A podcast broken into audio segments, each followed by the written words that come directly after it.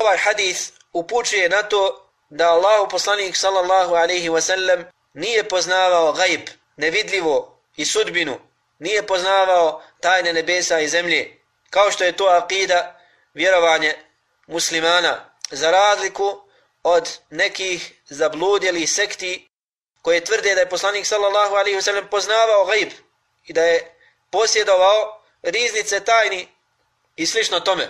Ili kao što šije, rafidije, govore za svoje imame da poznaju tajne nebesa i zemlje.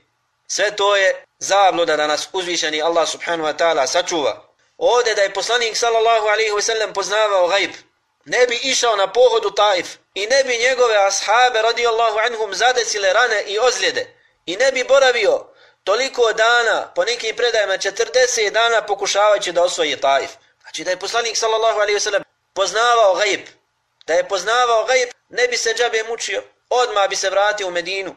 I zato kaže Jelle Wa'ala, kaže Jelle Šanu, naređujući svom poslaniku sallallahu alaihi wasallam, da obznani svima, Kul la amliku li nefsi, naf'an, wala darran, illa ma ša Allah.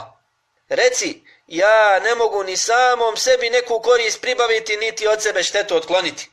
Illa ma ša Allah, osim ono što Allah tjedne. ولو كنت أعلم الغيب لاستكثرت من الخير وما مسني السوء kaže a da poznajem gajb stekao bi mnogo hajra lastakthartu min alkhair postigao bi mnogo hajra da poznajem gajb postigao bi mnogo hajra stekao bi i zadesilo bi me mnogo dobra wama massani su i ne bi me zadesilo zlo znači da sam poznavao ne bi me zadesilo ne bi mi se desilo ono što se desilo na Uhudu ne bi mi se desilo ono što se desilo na na Hajberu, ne bi se desilo ono što se desilo na Huneinu, ne bi niko od mojih ashaba preselio na Hajberu, da sam poznavao gajb, ali ne poznaje gajb niko drugi do uzvišenog Allaha subhanahu wa ta'ala.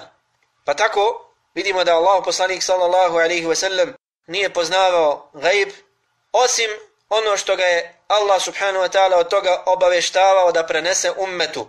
Znači, često je poslanik sallallahu alaihi wa sallam znao da nas obavijesti o onome što će se desiti prije sudnjeg dana, što će se desiti u budućnosti, to je nešto od gajba o čemu ga je uzvišeni Allah obavijestio.